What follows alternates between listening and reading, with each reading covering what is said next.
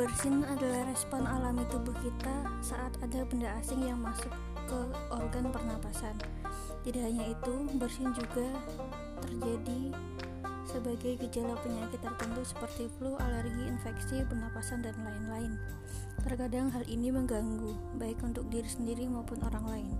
Oleh karena itu, tidak jarang orang yang berusaha menahannya, terutama ketika berada di keramaian dan situasi formal. Namun, kenyataan kebiasaan menahan bersin tidak baik dilakukan, bahkan bisa menimbulkan efek berbahaya. Bagaimana bisa? Simak penjelasan berikut ini.